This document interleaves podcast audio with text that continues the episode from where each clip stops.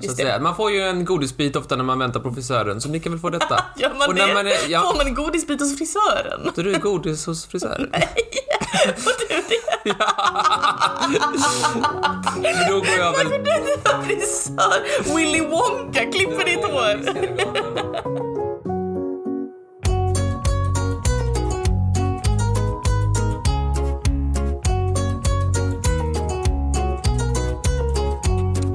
Välkomna till det här lilla specialavsnittet av Trivialiskt. Tack Martin! Tack Molly. Hur är läget? Jo, för fan, vad bra. Ehm, man håller ju, försöker studsa tillbaka efter nyår, va? Just det, vi har ju tagit en liten paus efter vår eminenta julkalender. Ja, Det blev... eh, slicka såren, som det heter. Det blev helt sjukt. Vi släppte ett avsnitt varje dag i hela december. Mm. Jag vill bara att vi tar en paus och bara tänker på att vi gjorde det. Nu kan vi dö lyckliga. Vi har gjort allt man Och, behöver. och med ett stresigt hjärta. Ja, som fan, som fan. Och vi tänkte ju egentligen då att vi skulle ta en ordentlig paus hela vägen tills epoken börjar. Men vi släpper ett litet specialavsnitt bara. Ja, det visar sig att vi har en massa skit på driven, vår Google Drive. Eh, vilket är i form av massa pilotavsnitt. Så Just vi det. tänkte att eh, det ni nu kommer få höra är en liten... Eh, eh, någonting vi spelar in i våra stapplande steg för att komma på hur man gör en podcast. Just det. Så det här är alltså två stycken prator, en som jag gör och en som du gör, som är från våra pilotavsnitt. Och de är på olika teman för att, ja, vi har skinit i olika genrer kan man säga. Ja, vi tänkte att om vi ändå ska visa vad vi har gjort i ett pilotavsnitt så kan vi plocka russinen. Just det. Eh, så att eh, det ni kommer få höra nu är, är pilotavsnitt. Just nu håller vi på att eh, mecka med den nya epoken. Mm, eh, Så ni får detta eh, medan ni väntar, så att det. säga. Man får ju en godisbit ofta när man väntar på frisören, så ni kan väl få detta. Gör man Och när det? man är- ja. Får man en godisbit hos frisören? Så du är godis hos frisören? Får du det? Men då går jag väl... Du är frisör! Willy Wonka klipper Där vid ditt Lilla hår! Fiskaregatan har en godis. Du menar Ahlgrens konfektyr? Nej, just Ja, det står inte frisör någonstans. brukar ta en lock av mig nästan inne och snaska. Nu har de en kaffemaskin också. På Ahlgrens konfektyr? Nej, på frisören. Jaha, men den, den frekventerar inte du? Det är mer godismaskinen du är på. Om man är sugen på att veta mer om eh, podden, efter idag kanske man får ännu fler frågor, typ om hur vi gör den eller eh, hur den kom till eller andra sådana frågor. Nej, men har man någon fråga så får man alltid ställa. Ordet är fritt. Luften är fri. Hannibal har korsat Då Alperna. kan man mejla oss på trivialist.gmail.com eller skicka DM på Instagram, det heter trivialiskt. Så tar vi upp den frågan i podden någon gång och svarar. Eller, eller så kan ni spika fast frågan på Fyrans buss här i Lund för den åker förbi här. Och det är det närmsta ni kommer sociala medier Ska för de mig. spika på en buss? Nej! Tejp. Jag uppmuntrar inte till skadegörelse. Nej, det är bra det. Martin, ska, Eller vi, glassbilen. ska vi lyfta på ridån Ja. och avslöja vår första pilotprata? Ja, det kan vi göra. Okej, det här är då eh, min prata från pilotavsnittet som heter Flyga. Mm. Det var ditt ämne. Nej, det var det icke. Jo, det var det. Flyga var ditt ämne. Det var väl det. Men du var så Det entusiastisk var, till det. Det var nog första gången tror jag som ehm, du vet den här, den här, det här allmänt erkända faktat att jag tycker om att typ myter och mysterier i podden. Jag tror man kan säga att det var ungefär här det började. Mm, jag visste ingenting innan detta. Nej, utan det här var liksom när jag avslöjade mina true colors för dig, men att den här podden skulle vara mycket att jag bara drar ner dig i konspirationsteoriernas mörker. Ehm, jag tycker den är väldigt skojig. Den, eh, den här pratan som kommer nu, den kommer ni gilla om ni gillar när jag blir mytisk och mysterisk, om ni gillar eh, tankenötter och om ni gillar när Martin blir irriterad. Så eh, varsågoda och lyssna. Mycket nöje. Vilken nöje!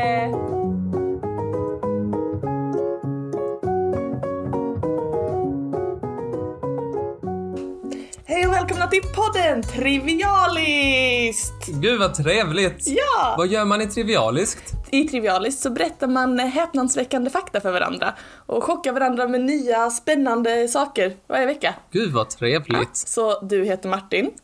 Ja. Du heter Molly. Ja, det har du rätt i. Vilket, vilket stilval att vi säger varandras namn. Jag tyckte det var catchy, eller? Det var catchy. Ja.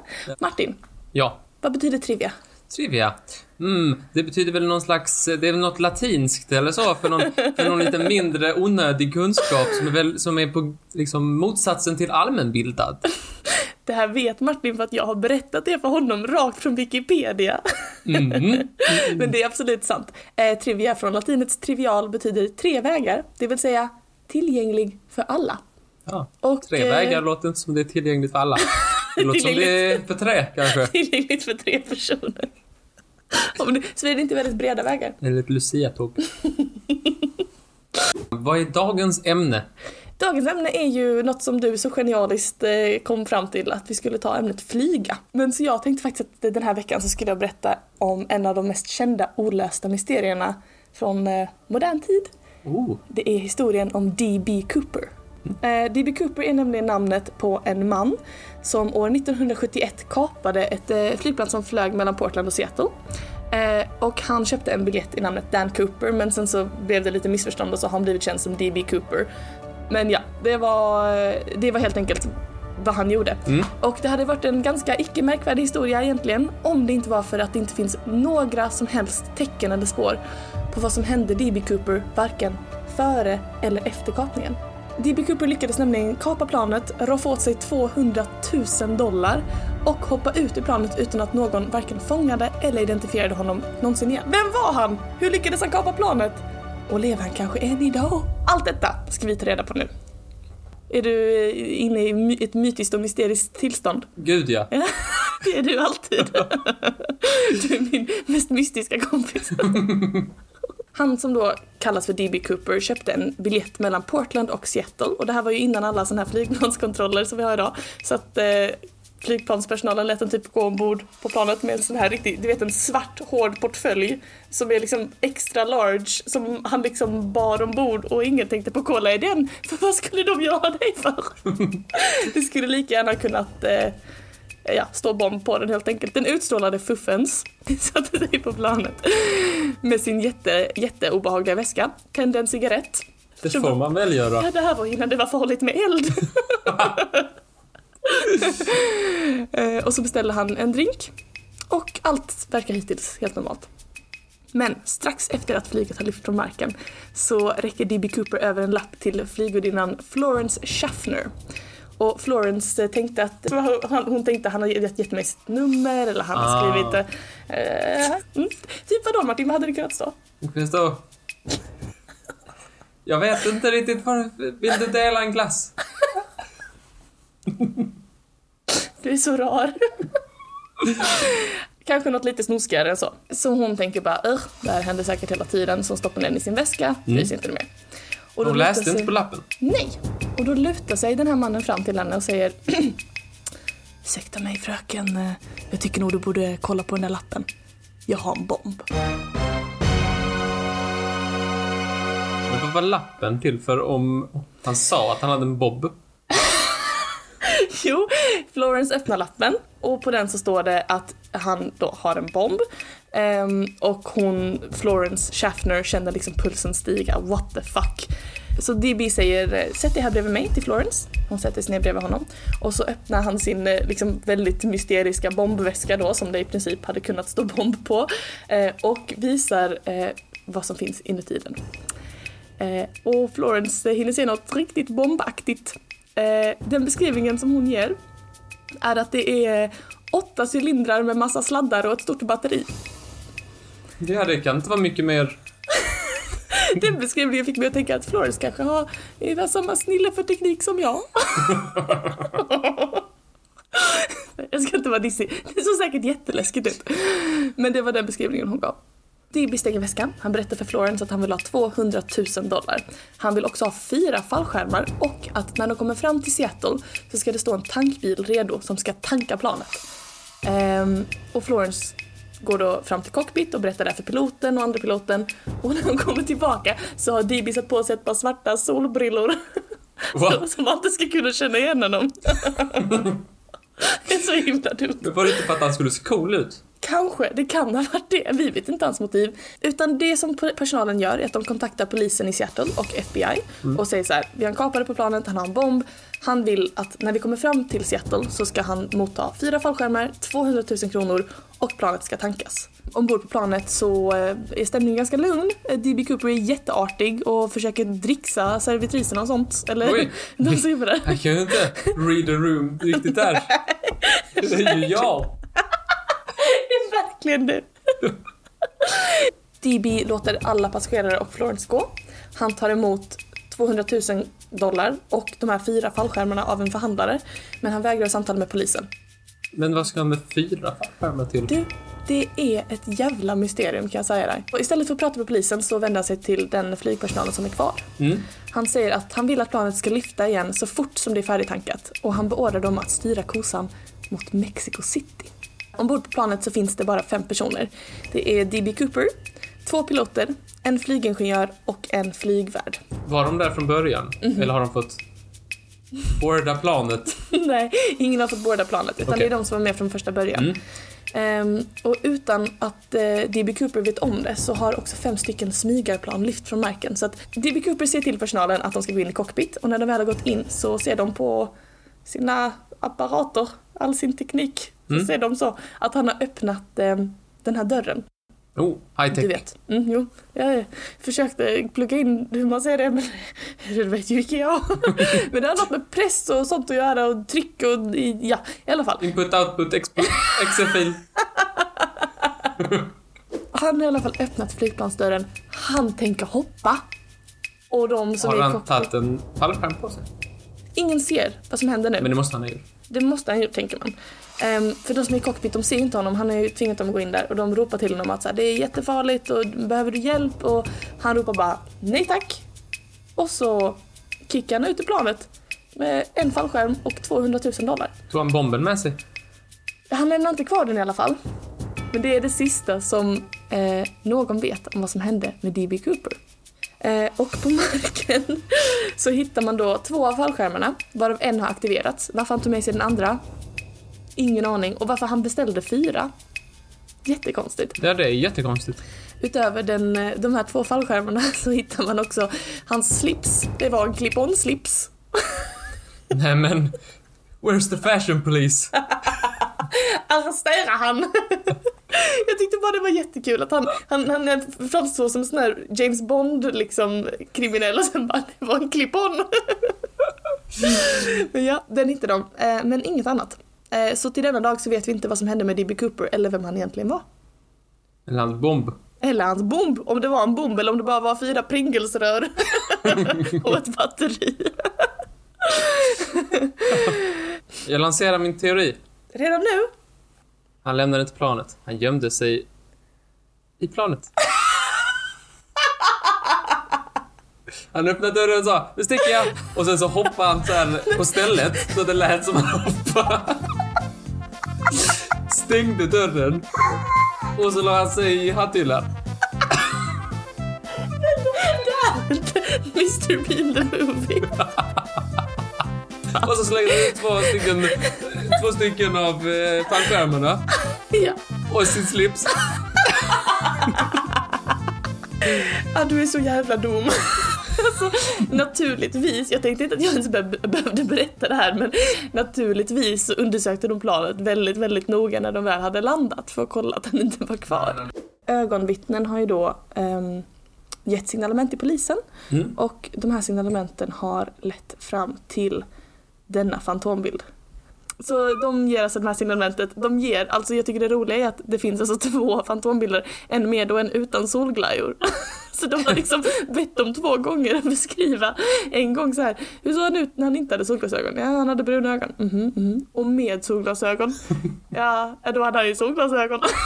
Det som gör det här eh, mysteriet ännu mer mysteriskt, det är att pengarna har aldrig någonsin registrerats vid en betalning i USA. Eh, Alltså de har aldrig använts för att betala någonting så man kan se. Vänta, Däremot- vänta, vänta. Hur vet man det? Eftersom att när man gav honom de här 200 000 så kollade man serienumren på pengarna. Vilket jävla jobb. Jo, verkligen. 200 000. Mhm. Du, Vi ska vara med i en kidnapparjakt. ja. Jo, vad ska jag göra?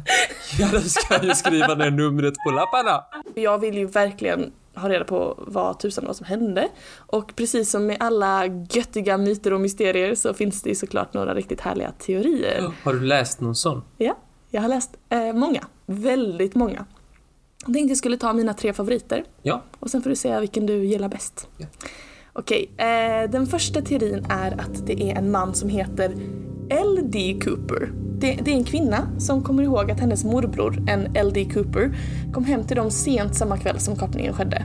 Och han var rejält tilltufsad och sa att han hade varit med om en bilolycka men han vägrade prata om det efter det och det, de liksom fick aldrig se bilen och han anmälde inte till försäkringen eller någonting Ja, det är sånt. han. Jag, jag, jag väljer att det är honom. Ehm, Morbrorn bytte också ämne varje gång som kapningen kom upp i samtal men mer bevis finns inte. Det finns alltså inga DNA-bevis, det finns inga tecken på att han har spenderat några pengar eller att han plötsligt har fått pengar.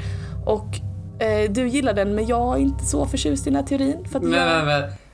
Va, vad är det jag hör? Vadå? Det här är ju bara inga bevis. Det var ju en rad bevis du kom med. Vadå att han var tilltufsad? Han kom dit samma kväll som kapningen tilltufsad, säger om en bilolycka som han inte vill prata om Ja. utan en bil. Och sen vill han inte prata om flyg. Det finns väldigt många människor som alltså, är i bilolyckor varje kväll och jag tror att det är ganska vanligt att inte vilja prata Är det, om finns det. det människor som är i bilolycka varenda kväll? Ja. De kanske inte ska köra bil. Men, du är så dum. Du vet vad jag menar. Du får tänka på din meningsbyggnad Molly. Jag tänker på grammatiken. eh, nästa teori är, det är att det skulle vara en man vid namn John List. John List var en amerikansk massmördare som år 1971, alltså samma år som kapningen, till och med samma månad, den 4 november tror jag det var, 1971, mördade hela sin familj. Ja, Ja, det var ju spännande. jag tror han är skyldig. Ja, eh, så här var det. Eh, John List, alltså den här historien vill jag också snacka om för den är helt störd. Han hade hamnat i stora skulder efter att han hade förlorat sitt jobb men eh, han vågade inte berätta det för frugan. så, så varje morgon så sa han Hej då älskling, nu går jag till jobbet, tog med sig en macka och sen gick han till tågstationen, satt där hela dagen, åt sin macka, läste tidningen, sen gick han hem. Du! Jag satt och tänkte på det. Det är så jag hade gjort. Varför ta ett jobbigt samtal? Man kan ta en macka och sätta sig hemma och ta fåglarna. Ja, precis. John List han tänkte då att eh, ja, det här är vi i situation. Jag, min familj är vana vid en, eh, en viss nivå av klass. De levde ett lyxliv. Han fick slut på pengar. Till följd av att han då satte sig på tågstationen och käkade mackor hela dagarna. Det låter som han har ett jobbigt samtal att ta. ja. Eller? Eller finns det en annan väg att gå? Vad gjorde han då? Jo, han bestämde sig istället för att det, det, så här är det va. Antingen så tar jag det jobbiga samtalet och tvingar min familj ner i smutsen. Jag måste ju flytta in i en lägenhet, det kan jag inte ha. Eller så skonar jag dem och skickar dem till himmelriket. Det här som jag berättar nu, det är, säg oktober 1971. Den 4 november 1971 så mördade han hela sin familj, inklusive sin mamma. Sen så genomförde han det som gör det här massmordet till extra mysteriskt. Okej. Han eh, satte nämligen igång alla ljus i huset, satte på musik, drog för gardinerna, skickade brev till barnens skola där det stod Åh, jag har tagit mina barn på en eh, lång utlandssemester, vi kommer borta i flera månader. Och eh, frun var ju hemmafru så eh, hon hade ju inte någon som man behövde säga till om. Nej. Sen gick han ut, låste dörren, tog med sig portföljen och försvann i 18 år. Det här var den 4 november. Okej. Kapningen skedde den 24 november, alltså 20 dagar senare. Det som händer, jag ska bara, det här är lite av ett stickspår men jag tycker ändå det är så sjukt intressant. Ja. Eh, hur han hittas då, det är att ehm, 18 år efter massmorden så är det på typ så Kalla fakta eller något sånt program, Mm. fast i USA, eh, så beskriver de det här fruktansvärda händelsen. Cold facts. Cold facts. cool facts. Ehm, så eh, pratar de om detta och så är det en konstnär som har gjort en eh, liksom byst, alltså en skulptur av hur eh, John List skulle se ut idag, 18 år senare. Okej. Och han sitter tittar på det här med sin fru och han har sagt i efterhand att han börjar svettas. Nya fru? Med sin nya fru. Inte sjukt. sin gamla fru, hon är ju död så länge. Nej, han sitter då i sitt nya liv, i sitt nya hus, med sin nya fru, på sitt, alltså, och med sitt nya yrke som revisor Mm. och ser det här på TV och han börjar svettas som in i för det är så fruktansvärt likt. Alltså det ser ut precis som honom. Mm. Men frugan hon märker inget. Däremot har han en väldigt eh, eagle-eyed granne som bara det där är sjukt likt Bob som bor här intill. Han, är hans nya namn Bob? Hans nya namn är Bob. Ehm, Det är väldigt dåliga namn. Det är Dan och Bob och allt möjligt. Han behöver ny fantasi. precis, så grannen ringde polisen och de kunde arrestera John List som nu alltså levde under aliaset Bob Clark. Han hade alltså lyckats... Vänta, vänta, vänta. Hette han Clark i sin hemliga identitet? Ja, Ja, nej. Det var bara en observation. ja, ja. Det, vi, vi dömer ingen här, det är bara... Det är dålig fantasi. Det är också ett val. Så han hade alltså lyckats gifta om sig och skaffa jobb som revisor eh, och liksom levde ett liv helt under radarn. Mm. Eh, nu så är han då dock dömd för de här morden. Eh, Mm. och eh, så. Han har varken bekräftat eller dementerat det, att det skulle vara han som är um, D.B. Cooper. Vad jag har kunnat titta i alla fall. Det, det här är en massmördare som är på rymden, eh, på rymden, en massmördare som är på rymmen. Han behöver liksom eh, komma, komma, komma bort från sin gamla identitet, han Mm. behöver starta om på nytt, på ny kula. Är det inte en ganska bra idé då att kapa ett plan under falsk identitet, hoppa ut ur planet och bara försvinna in till en annan delstat? Jag känner att vill, om jag vill ha 200 000 dollar och ska Mm. göra det på kriminalväg, då gör jag inte det genom att sno ett flygplan och sen hoppa ur det. Nej. Jag tänker att det finns simplare sätt. Min sista favoritteori, och den här är alltså riktigt klockren. Har du sett filmen The Room? Nej, vänta, The Room är han... Eh... Oh, hi Mark. Exakt! Oh, hi Mark! Och han heter Tommy Jag har Wiseau. sett många, många delar av. Och den är då eh, skriven, producerad, regisserad, finansierad och eh, har eh, i huvudrollen en man vid namn Tommy Wiseau. Den här är ju egentligen eh, så dum den här teorin, men kan det vara han?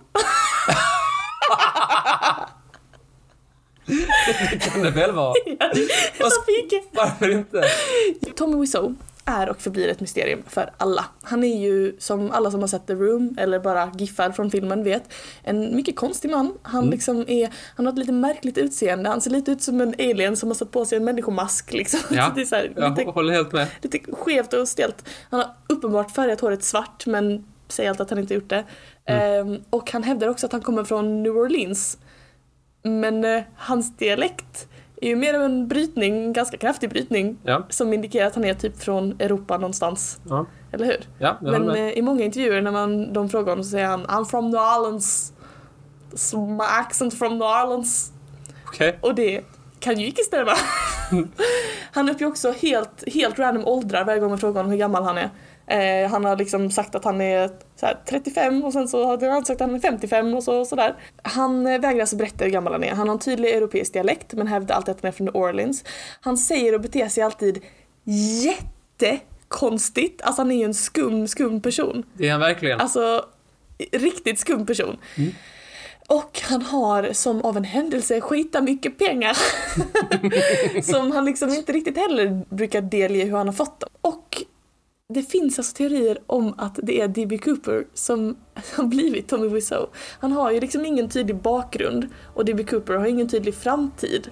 Och eh, båda två har då efter kapningen väldigt mycket pengar Mm. och verkar liksom vara ganska skumma och inte riktigt förstå sociala koder. Dessutom så ser Tommy Wiseau ut som att han kan ha plastikopererat sig ganska mycket i ansiktet. Mm. Ehm, så att han skulle kunna ha sett ut som D.B. Cooper, vetat att han inte vill bli hittad och plastikopererat om sig. Eh, och han känns som en kille som har clip-on-slips, eller har jag fel? Han är definitivt en person som har klippt Han ut som en människa som har både slips och fluga. Ver- ja, samtidigt. Ja. ja, verkligen. Det kan jag tänka mig. Vad tror du om den teorin? Det kan väl vara han? Jag tyckte det var back-ass crazy. det var bland det dummaste jag hört. Vad, vad hände med honom? Vad tror du? Om du ska vara helt ärlig. Jag tror fortfarande första killen. Okej. Hata slumpen, som GV säger. Han kommer hem, varit med i en bilolycka och, och vill aldrig prata om flygattacken eller bilolyckan samma kväll som flygan. Nej, hata slumpen. Okej. Jag tror det är han. Vad tyckte du? Jag tyckte det var väldigt spännande. Var det en bra historia? Det var en, eh, den kommer hålla mig uppe natten. Den kommer jag tänka på. Det var eh, klassisk trivia. Det är ju, det spelar ingen roll att veta om det, men det kan vara kul att tänka på.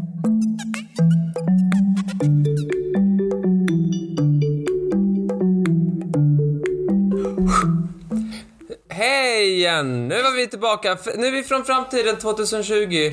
Visst var det en bra prata Martin? Mycket bra. Jag tycker den är så himla spännande. Jag tycker det sjukaste med D.B. Cooper, Mm. jag tycker fortfarande det absolut konstigaste är den där jävla slipsen. jag tänker på den idag. Det var en praktiskt lagd man. Ja, det får man säga. Men eh, nu ska vi ju snart halta vidare i livet. Ja, då är det nästa pilot prata och det är min. Ja, Eh, och det blir eh, lite, då är det från avsnittet som heter Mat? ja. Eh, vi gjorde ett pilotavsnitt som heter Mat, där jag pratade om en eh, man som inte kunde sluta äta. Och du valde att prata om Mm, resor till Mars? mm, Resor till Mars, ja. Nej men hur liksom... Så man kan säga att jag avslöjade mina true colors med att jag vill prata om mysterier. Det var i den här podden som du avslöjade för mig att du kommer bara skita i alla teman vi har. det var väl pågitt det. När man åker till Mars så måste man komma på ett sätt att äta på Mars för det finns inte någon, man kan inte jaga. Nej. Det finns ingen marsipan där. I alla fall, så man måste komma på hur man ska äta med mera. Mm.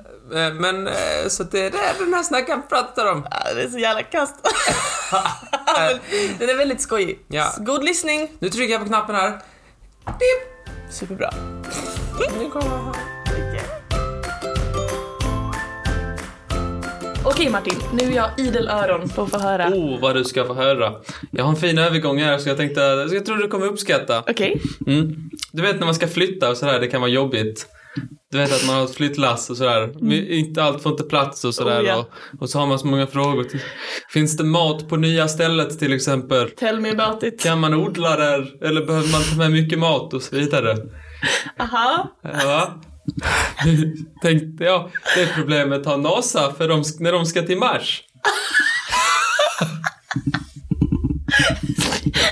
Dina övergångar blir bara sämre och sämre. Vi ska lösa en liten eh, ursprungsfråga kan man säga, en grundläggande fråga som Okej. kanske behöver besvaras, nämligen vad ska vi göra där? Ja, verkligen. Ja, då kan jag säga att det är lite i vårt DNA som bestämmer det. Det bestämmer inte vi. Vad spännande. Ja, och det är nog en ganska lös definition av DNA. Jag har eh, källan till detta i ett TED-talk. Vad bra. Nämligen att, att han menar att vi som människor har eh, historiskt sett alltid haft ett, en vilja att eh, explora, liksom. Att utforska, ja. Liksom en gång i världen så gick vi från Afrika ut i världen. Ja. Det var en. Sen har vi åkt över Atlanten för att hitta vad som var bortom där. ja. Det är två. Sen åkte vi till månen.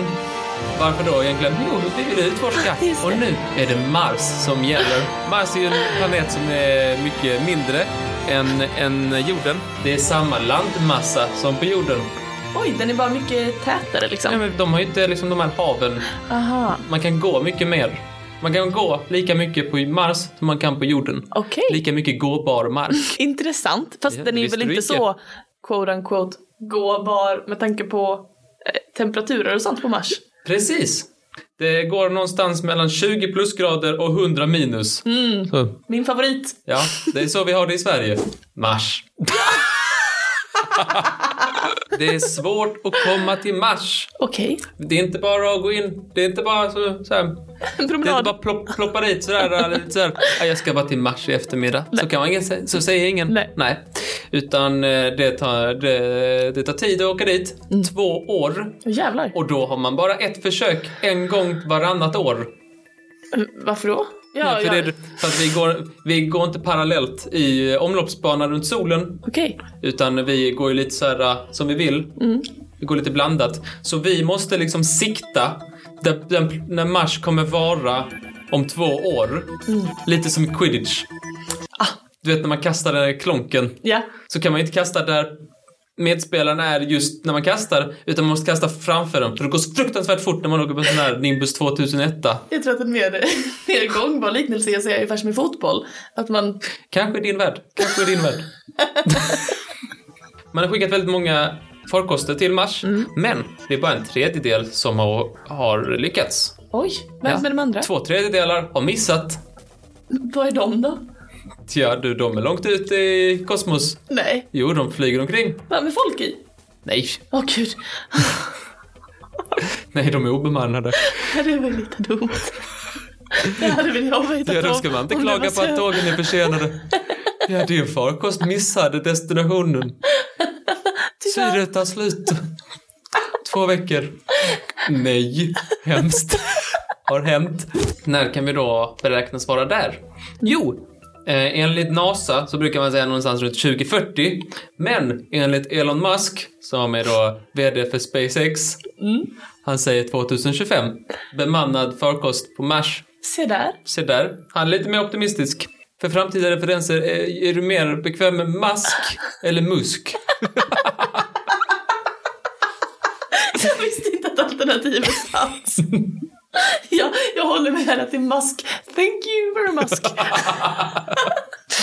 Han har sagt att 2025, då kommer vi ha en bemannad rymdfarkost på Mars.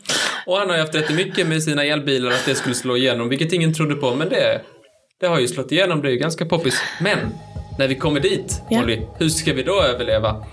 Mm, då kan man identifiera fyra olika problem, eller som vi måste lösa. Bara fyra känns som det är fler. Ja, det är fyra grundläggande kan man säga. Okej. Det är då mat, vatten, syre och koja.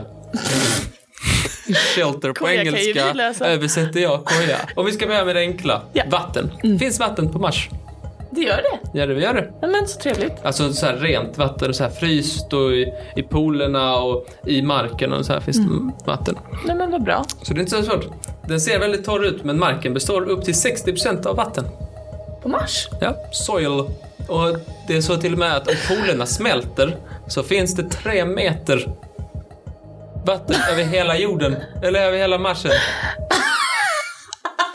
Säger man Marsen?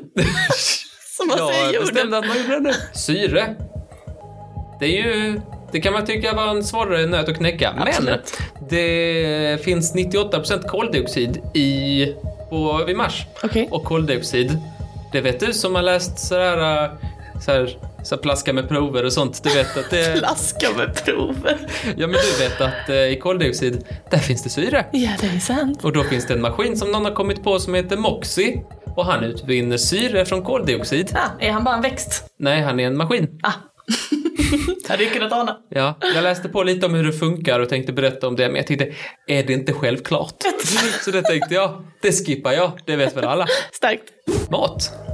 Ja. Ja, Dagens kom- ämne. Dagens ämne. Jag har gjort lite research på hur vi ska få mat på Mars. Jaha, ja. Och där måste jag säga att vår husgud Dr. Goggle, han har svikit mig. Nej, Han har svikit oss. det är väl första gången han gör det. Söker man odla och Mars, då får man fram vad man ska odla i Mars.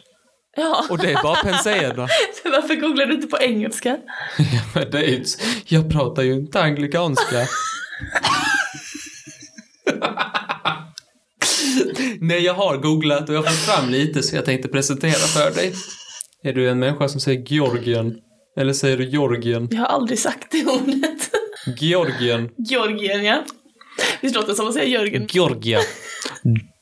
Här, nu säger vi... Då tar vi det. Vilken ska vi ta? Men Ta det du sa först, det var bara jag som är. Georgien. Vindruvor kommer därifrån. Okej. Mm. Det är det första stället på jorden som man vet att eh, vindruvor eh, växte. Och de satsar mycket tid, resurser och forskning på att vara de första som gör vindruvor på Mars.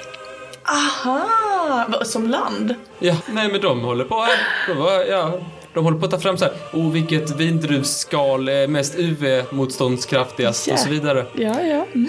Det är ju inte min första prioritering att vi, att vi ska kunna utvinna vin på Mars. Astronauterna som ska göra alla, eh, operera alla de heavy machineries. Ska de göra Vrida det? på alla rattar och sånt. Ja, ska de göra det med vin i kroppen? Icke. Det vet jag inte om jag, om jag står bakom. Nej. Sen, vi har ju pratat om lite så här shady källor på den här podden. Jag tror att jag kan slå alla dina shadiga källor. Okej. Mm. Jag har varit inne på svenskpotatis.se. Där skriver de i alla fall att peruvianska Peruiska, jag vet inte vad de heter. Ja, från Peru? Peruerna, de har Ja, forsk- Perun. Ja, de som kommer från Peru. Peruiska forskare, de har eh, tagit fram eh, sån här specialpotatis som man ska kunna göra på Mars. Okej. Mm. Som man ska kunna odla. Men på vilket sätt är den speciell? Ja, de försöker se så här, de försöker odla den i marsmiljö i olika typ eh, simulationer. De försöker få dem att se vi- vilken passar bäst, vilken överlever mest. Holländarna, de håller på att odla eh, olika grödor i någon slags marsblandning som de har hittat. Alltså typ så här marssand som de har tagit från öken och sen har de satt in lite vulkanstenar från Hawaii. Okej. Och så har de lyckats få liksom rätt... eh, pH-värden och allting sånt. Ja, rätt sådär mm. gojs som finns på Mars. Och Ja. sen så har de börjat odla grejer och så ser de om det gick att odla. Och det gjorde det väl. Jaha, Mycket väl. ja, vad Och bra. potatis, nej inte potatis, tomater och krassa och allt möjligt kunde de odla. Oh, Mm. Men det är ingen som har vågat äta den i och med att det är massa tungmetaller. Och det vet man ju inte hur det kommer funka på, eh, på Mars. Någon får ta första bettet. Göra det? Det blir sten, sax, påse som bestämmer den. Men detta kommer ju vara, detta kommer vara lite senare. De första kommer käka frystorkad mat och konserver. Ah, Jag säger det en gång till, mindre som en dåre. Detta är då de senare kommer börja tänka på odling. De första kommer ju käka konserverad mat och frystorkad mat.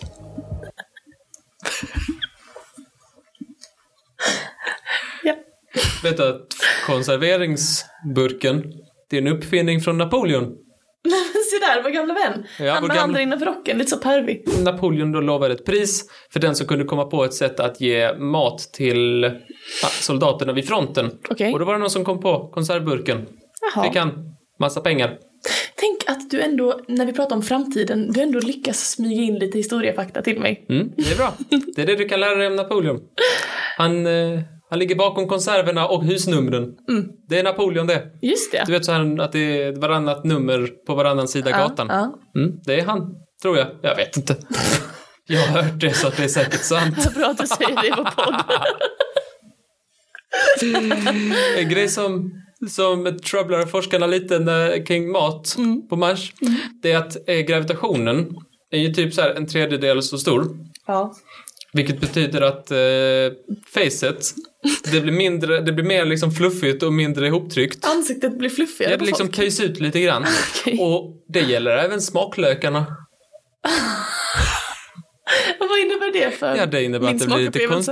Ja, du får annorlunda smakupplevelser. Okej, Jag vet inte exakt hur, men det, det är någonting vi får ta i beaktning, tänker jag. okej. Lite som vår vän Tererer. Lite, så här, Tarar? lite som Tarar som skulle kunna få plats med 12 ägg. Ja. Lite så tänker jag att det ser Alla ut. kommer se ut som Tarar. Alla. Han kommer från Mars. Mystery solved. skriv! In i Flashback! Ja. Vi har det. Koja. ja, Shelter på just engelska. det. Sista problemet. Ja, nej, ja. Jo, det är sista problemet. Det, är Ja. Eh, det är lite problematiskt för att det är ju, det är ju lite så kosmisk strålning som kommer in. Ja, så där. Ja, då, då har vi två alternativ.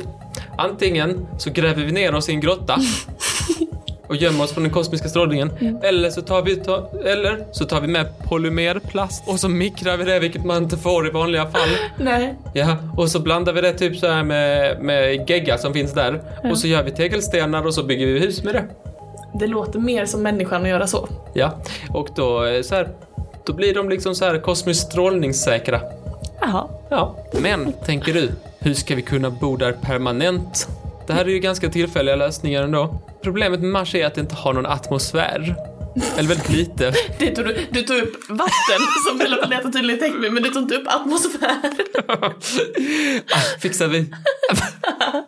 Men grejen är tydligen att om, man, om vi kan smälta vattnet vid polerna Ja. så kommer det bilda liksom en eh, ganska tjock atmosfärgrej. Alltså det finns en atmosfär, den är bara tunn. Okej. Och inte tillräckligt tunn för att behålla värmen och sånt där. då. Nej.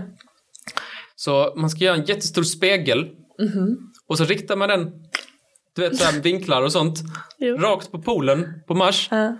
Så kommer det åka upp massa vattenånga Okej. och så kommer den fylla igen atmosfären lite. Så den blir mer tjock.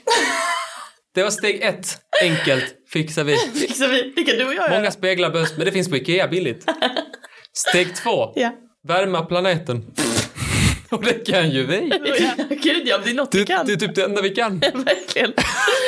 Sätt dit mig med en sån Ferrari-bil så kör jag några varv. Du, jag har en kompis, han är jättebra på att släppa ut koldioxid. Mm, vad bra. Ja. Inga namn nämnda. Okej. Han kan vi skicka. Ja. Han käkar bara irländskt kött och så, så använder han sån här doftspray och sen så tar han bilen han ska till kvartershandeln. Ja, ja. Skicka gillar, honom, lita på honom, han fixar det. han gillar att kicka sönder Eller- kylskåp. Eller så fixar vi en armé av kossor. Just det. Ja, de, kan, Känns de smidigare. rapar ju ut en massa metan och grejer. Ja. Skicka dem med rymdhjälmar. Just det, med rymdhjälmar. Det här är en film Hollywood inte har plockat upp än. Gud vad gulligt med en ko i en rymdhjälm. Ja. Så, då, så att eh, bara vi kan värma den, inga problem. Det, vi kan flytta dit. Ja, Det är lite så här problem med typ att man behöver kväve för att växterna ska växa och sådana grejer. Men det är ju typ så här, vi får ta med lite, jag vet inte, växtmedel eller någonting. Jag vet inte riktigt vad kväve är. Jag vet bara att det förkortas med ett N Ja. på periodiska systemet. Mm. Men det heter ju kväve. Vet vad det heter nitrogen? Jag misstänker att du har lämnat ute några problem som du sa där på slutet som kanske finns. Nej, i så fall är de så små att jag inte ens tänkte, alltså med så obvious svar, att jag inte ens tänkte ta upp det. Nej, så varför är vi inte där redan nu? Ja, Vi får väl vänta fem år. Det tar ju två år att åka dit. Just fan. Det är lika säkert som att åka. Skånetrafiken. Det vill säga inte alls. Nej, inte alls. Men du, eh, det var väl lite vad vi hade att säga den här veckan. Martin, tack för en underbar podd. Tack så mycket. Alltid kul att se dig. Och ni som lyssnar, ha det bra. Vi ses nästa vecka. Hej då! Att du alltid ska vara så jävla trevlig. Ja, det kan jag väl få va? Du, har, du säger typ inte ens hej till mig i början av podden. Du bara... Uh, uh, uh. Men vi sa väl det när vi Ja, men det vet ju ingen lyssnare.